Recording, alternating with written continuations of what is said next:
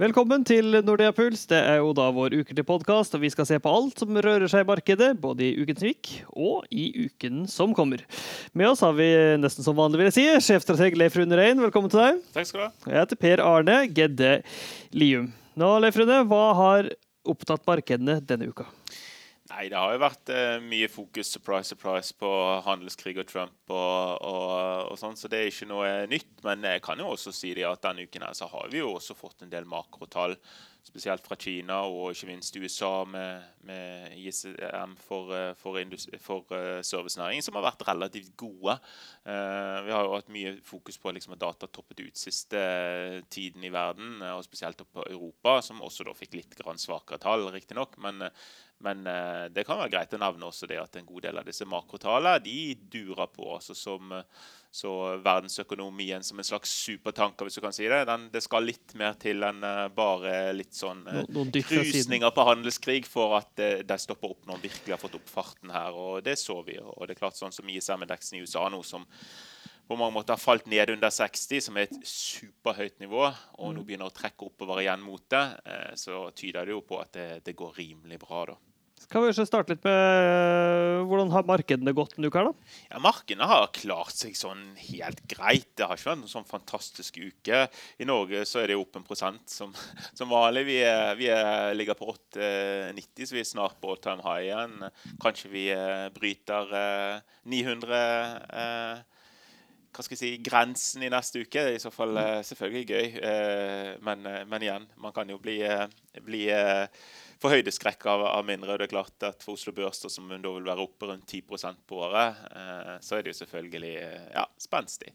Mm. Eh, for resten av markedet så har det vært litt sånn mer eh, blandet. Du har hatt regioner som har klart seg meget bra, sånn som f.eks. Kina, eller kanskje inntil i natt, eh, men likevel har klart seg bra. Og så har du i motsatt ende av skalaen eh, Latin-Amerika, spesielt Brasil, som ble, ble gruset eh, denne uken her, og fortsetter på en veldig svak utvikling etter å ha startet året som bestemann. Så mm. det, det svinger, det er ingen tvil om det. Det har jo vært et toppmøte i Canada, og da var jo den såkalte handelskrigen og alle disse tollene høyt oppe på agendaen. Ja, det er klart. Det er jo så mye bilaterale møter og sånt, istedenfor en samstengt gjeng som, som, smiler og er enig.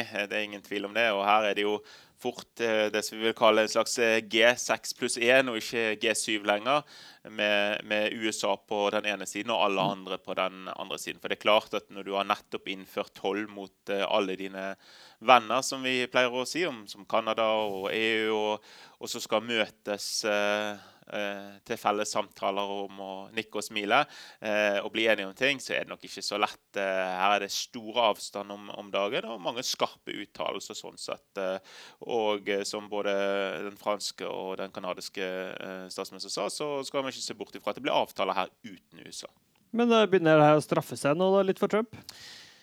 Straffe seg. Altså Markedene har ikke reagert så mye. og, og Nå har jo som sagt, eh, nå har jo disse andre landene her eh, mottiltak. og Vi hører mottiltak fra både EU, som er spesifisert, eh, som kommer til å bli innført fra juli.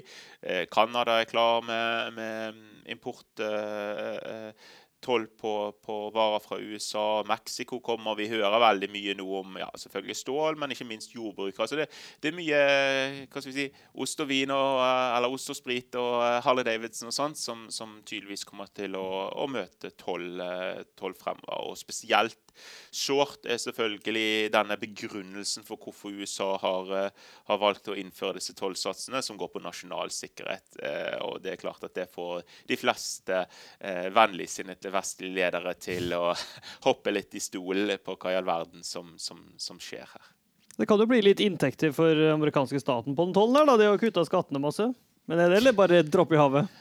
Nei, det blir ikke så store inntekter. Det er nok en dråpe i havet. Men uh, jeg vil nok egentlig ikke tenkt på det sånn. Jeg ville jo tenkt på det at disse økte eh, eh, tollsatsene Selv om de selvfølgelig intuitivt tenker på at de rammer de som, som eksporterer til deg, og det er de som blir tapere, så vil jo jeg si det at toll er normalt sett en skatt på egen befolkning. Ja, på det- forbruket, for det blir jo dyrere, det som blir importert. Det blir dyrere å produsere, og så kan det være enkelte vinnere her. F.eks. noen stålprodusenter i USA som blir vinnere, som kan ta høyere priser.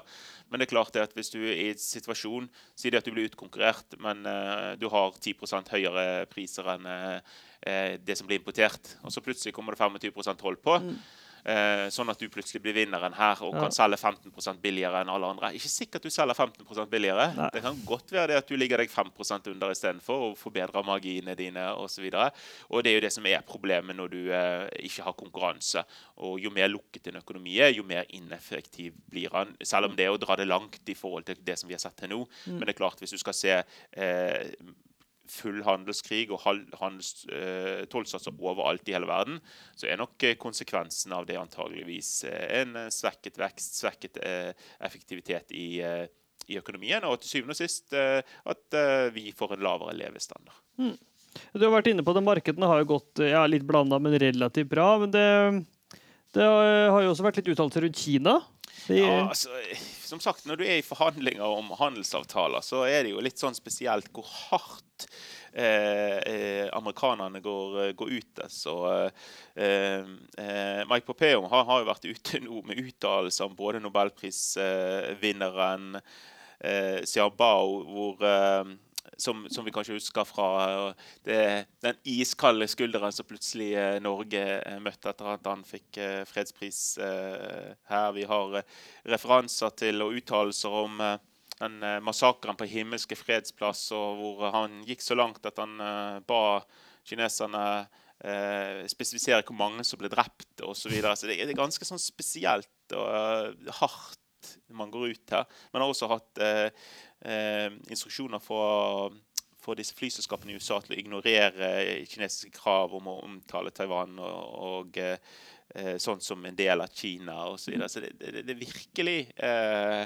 virkelig eh, forsøker å lage et surt handels, forhandlingsklima her. Så, så det er litt sånn spesielt å se på. på. Samtidig så har vi på motsatt side eh, så ut som det blir gjort avtaler. Vi har jo dette selskapet ZTE som for en tid siden ble utestengt fra å kjøpe amerikanske varer, og mer eller mindre holdt på å konk over et par uker her. Og man fant en løsning, og nå ser det ut som man har en endelig avtale. Og så kan det være det at eh, det går noen eh, det går noen eh, eh, perks andre veien også, hvor kineserne eh, da eh, eh, ja, for sannsynligvis eh, godkjenner Qualcomm sitt oppkjøp av eh, NXP. Og eh, kanskje de hadde en eh, finger med i at det ble et eh, møte nå 12.6 mellom eh, Kim og, og Trump. Hva vet jeg. Men eh, det ser nå ut i hvert fall så det er ikke bare negativt, men, men selve retorikken her er ja, jeg vil si, veldig veldig spesiell å, å, å sitte og se på. og eh, Man går veldig veldig hardt ut. Eh, men kan det være å tjene på å gå så hardt ut for USA? Eller? I, jeg vet ikke, Hvis du skal forhandle med noen, eh, hadde du satt deg ned og begynt å fornærme det? Jeg vet ikke. Jeg, eh, det kan jo selvfølgelig være for å skape litt eh, hva skal vi si, friksjon eller mobilitet i, i, i eh, Trump eh, liker jo, la, liker jo å lage litt sånn baluba for å så ordne opp i det balubaen selv har skapt. Ja, godt mulig, godt mulig. Eh, som sagt, eh, jeg, jeg er strateg og forsøker å holde orden på markedet og økonomien. Eh, forhandlingsteknikk er ikke helt mitt, eh, mitt evne, så jeg tror jeg skal melde pass på den. Altså. Ja, apropos det, eller ikke apropos det for så vidt, det her eh, 12. juni-møtet mellom Trump og Kim Jong-un begynner å nærme seg. Det blir litt spennende å se hva som kommer ut av det. Ja, og eh, anybody's Ja, guess. der kan alt Eh, skje. Der kan alt skje. Får håpe de ikke begynner å hive hamburger på når Vi snakket til om at de skulle diskutere dette over en hamburger. Nei, eh, nei det, det er vanskelig å si. Altså, her kan det være at eh, ingenting kommer ut av, eller at de kommer ut som, Mm. eh, som eh, gode venner. Eh, Så får vi se hvor lenge det varer i etterkant. Altså, Ja. Her handler det jo eh, til syvende og sist på hva som blir gjennomført og blir eh, innført. Ikke at du står opp og smiler Mm. fremfor kamera og alt mulig sånt. Det handler om, om, om restriksjoner fra og eh, sanksjoner mot, mot Korea, Nord-Korea blir eh, opphevet, og selvfølgelig om de legger vekk dette atomprogrammet sitt osv. Vi får se. Vi får Mm. se. Eh, hva med Iran?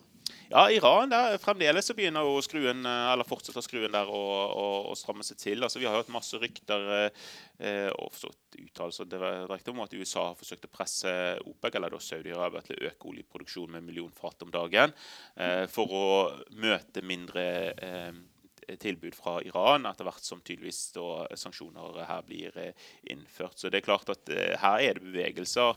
Eh, forstår du også slik at USA ønsket å kutte eh, iranske banker og sentralbanken i Teheran og sånt uh, ut fra f.eks. Eh, Swift-samarbeidet og sånne ting. Og det er klart at det her er jo altså, som sagt, Jo mer isolert du blir, og jo vanskeligere det blir å gjøre butikk, og jo større trusler blir mot alle som gjør eh, butikk med, mm. med Iran, jo mer effektivt blir jo dette her. Eh. Mm. Og det er klart at uh, da går man mot en, en, forverret situasjon selvfølgelig i, i, området, men ikke minst også for, for um, oljetilbudet, som kanskje mer direkte påvirker oss. Nå ser vi det at Trump også har begynt å få sjøl for høye bensinpriser borte i USA. Da, så vi ser om det påvirker, eh, påvirker, noe av dette forhandlingen her fremover. Men, men det er i hvert fall eh, eh, utvikling, og, og, selvfølgelig da kanskje i en, i en, forverring av situasjonen. Det har kommet litt makrotall både fra Kina og Europa?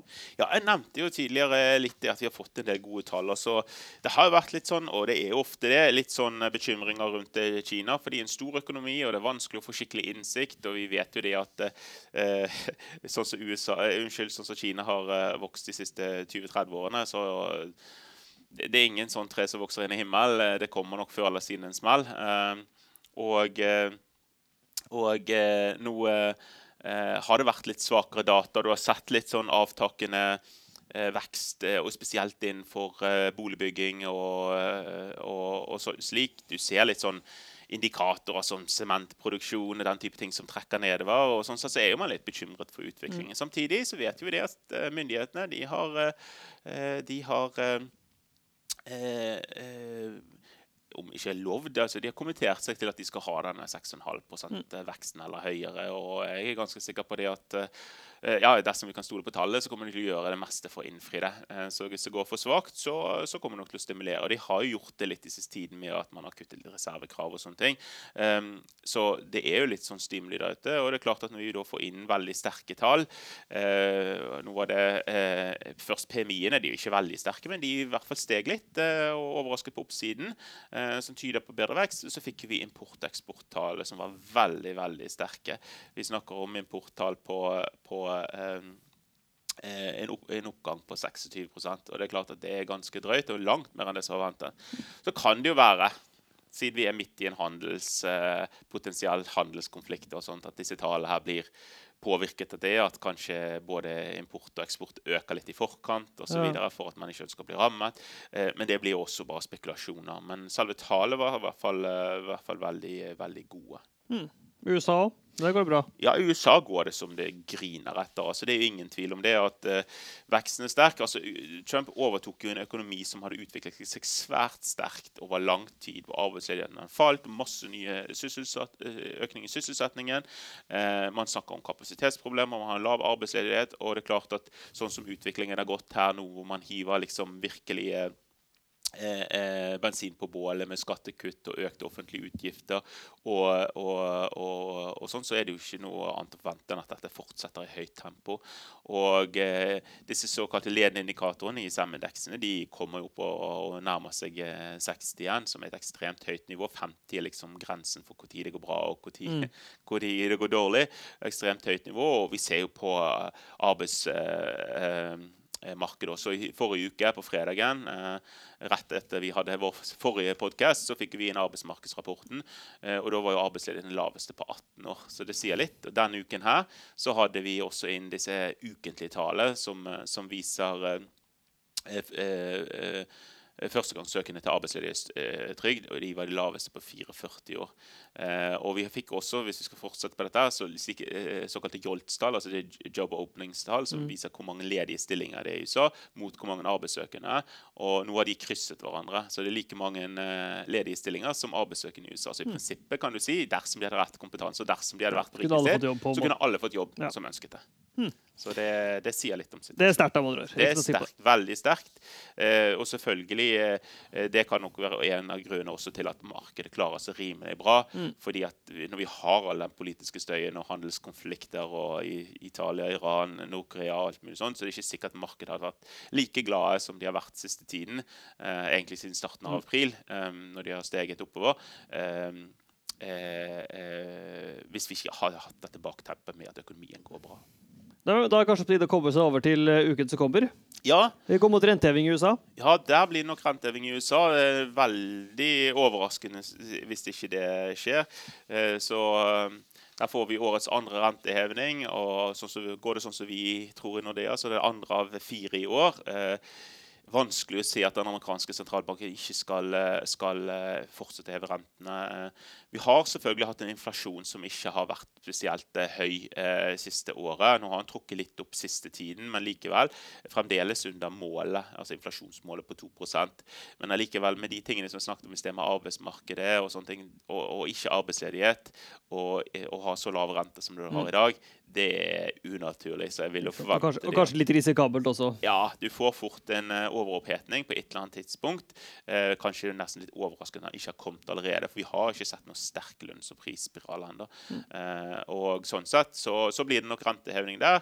Eh, og jeg tipper på de kommer til å kommunisere det, at de kommer til å fortsette eh, med sin, eh, med sin eh, i, ret, i, den retningen med, med flere rentehevinger. Det var et lite nys fra meg der, altså, beklager det. Men uh, jeg tror ikke vi får klippa det bort.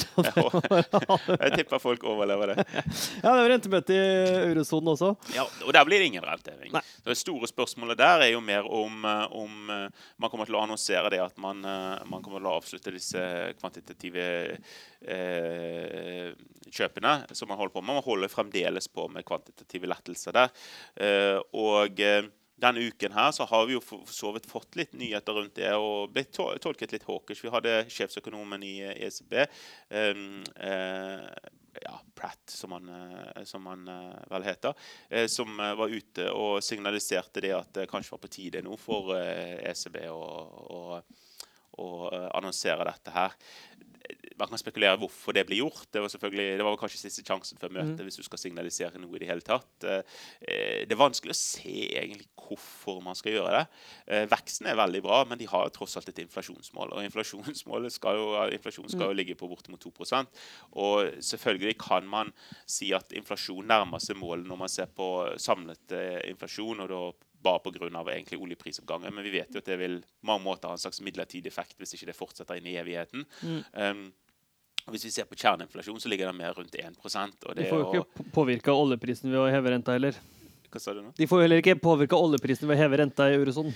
Nei, eh, for så vidt ikke. Og, og, og um, det er ingen tvil om at, eh, at, eh, inflasjonsmålet er langt fra at de når. Så, sånn sett så er det litt vanskelig å se hvorfor de skal begynne å stramme inn. da. Og det er jo høy ledighet i mange land i Europa også. Ja, det er høy ledighet, men høy, altså ledigheten har jo kommet godt ned, og det er god fart i økonomisk vekst. Men inflasjon, den, den, den uteblir. Mm. Eh, så sånn sett så, så, kan det godt være det at eh, man kan si i hvert fall gode grunner for at de skal vente. Eh, mm. Men nå skal det sies at selv om man avslutter disse kvantitative kjøpene, så, så er det jo langt frem til en renteheving. Eh, det er ingen tvil om. Eh, men så jeg har jo diskusjonen frem og tilbake. Uroen rundt Italia. Kommer det til å påvirke, eller kommer det ikke? Eh, men vi får se. Vi får svaret neste uke. Da, da, da, vet vi hva de sier. Japan var jo på en måte liksom pioner med sånn ultralave renter. De har vel kanskje ikke tenkt å endre på det denne uka her heller? Nei, og nå etter en ganske lang periode med god økonomisk vekst, så var jo et av de eh, makrotallene som vi fikk i siste, det var jo det at de hadde negativ vekst i forrige kvartal. Og får de to kvartaler på rad, så er du inne i en resesjon. Og nå fikk vi reviderte tall denne uken. Første tallet var at de hadde en kvartalsvis vekst på minus 0,1% Nå var det faktisk økt til minus 0,2 Så jeg tviler på det at Japan kommer til å heve renten med, med det første, og, for så vidt heller ikke avslutte sine kvantitative lettelser. Hmm. Vi har vært gjennom det meste. Vi nevnte jo litt det der eh, toppmøtet mellom Trump og Kim Jong-un. Det er jo neste uke. Men det, der får vi nå bare se hva som kommer. Ja, og vi, igjen, vi må nok, Der må nok vi bare vente og se. Og så må vi bare belage oss på det at disse, disse eh, handelsutspillene de fortsetter. Ikke sant. Nei, men eh, Da tror jeg vi har vært gjennom ganske mye, har vi ikke det, Lefrine? Det tror jeg vi har. Tusen takk skal du ha. Bare hyggelig. Og takk til deg som hørte på. Jeg håper du hadde det hyggelig sammen med oss i denne podkasten. Og vi er tilbake neste uke, vi, så du er hjertelig velkommen. Ha det godt.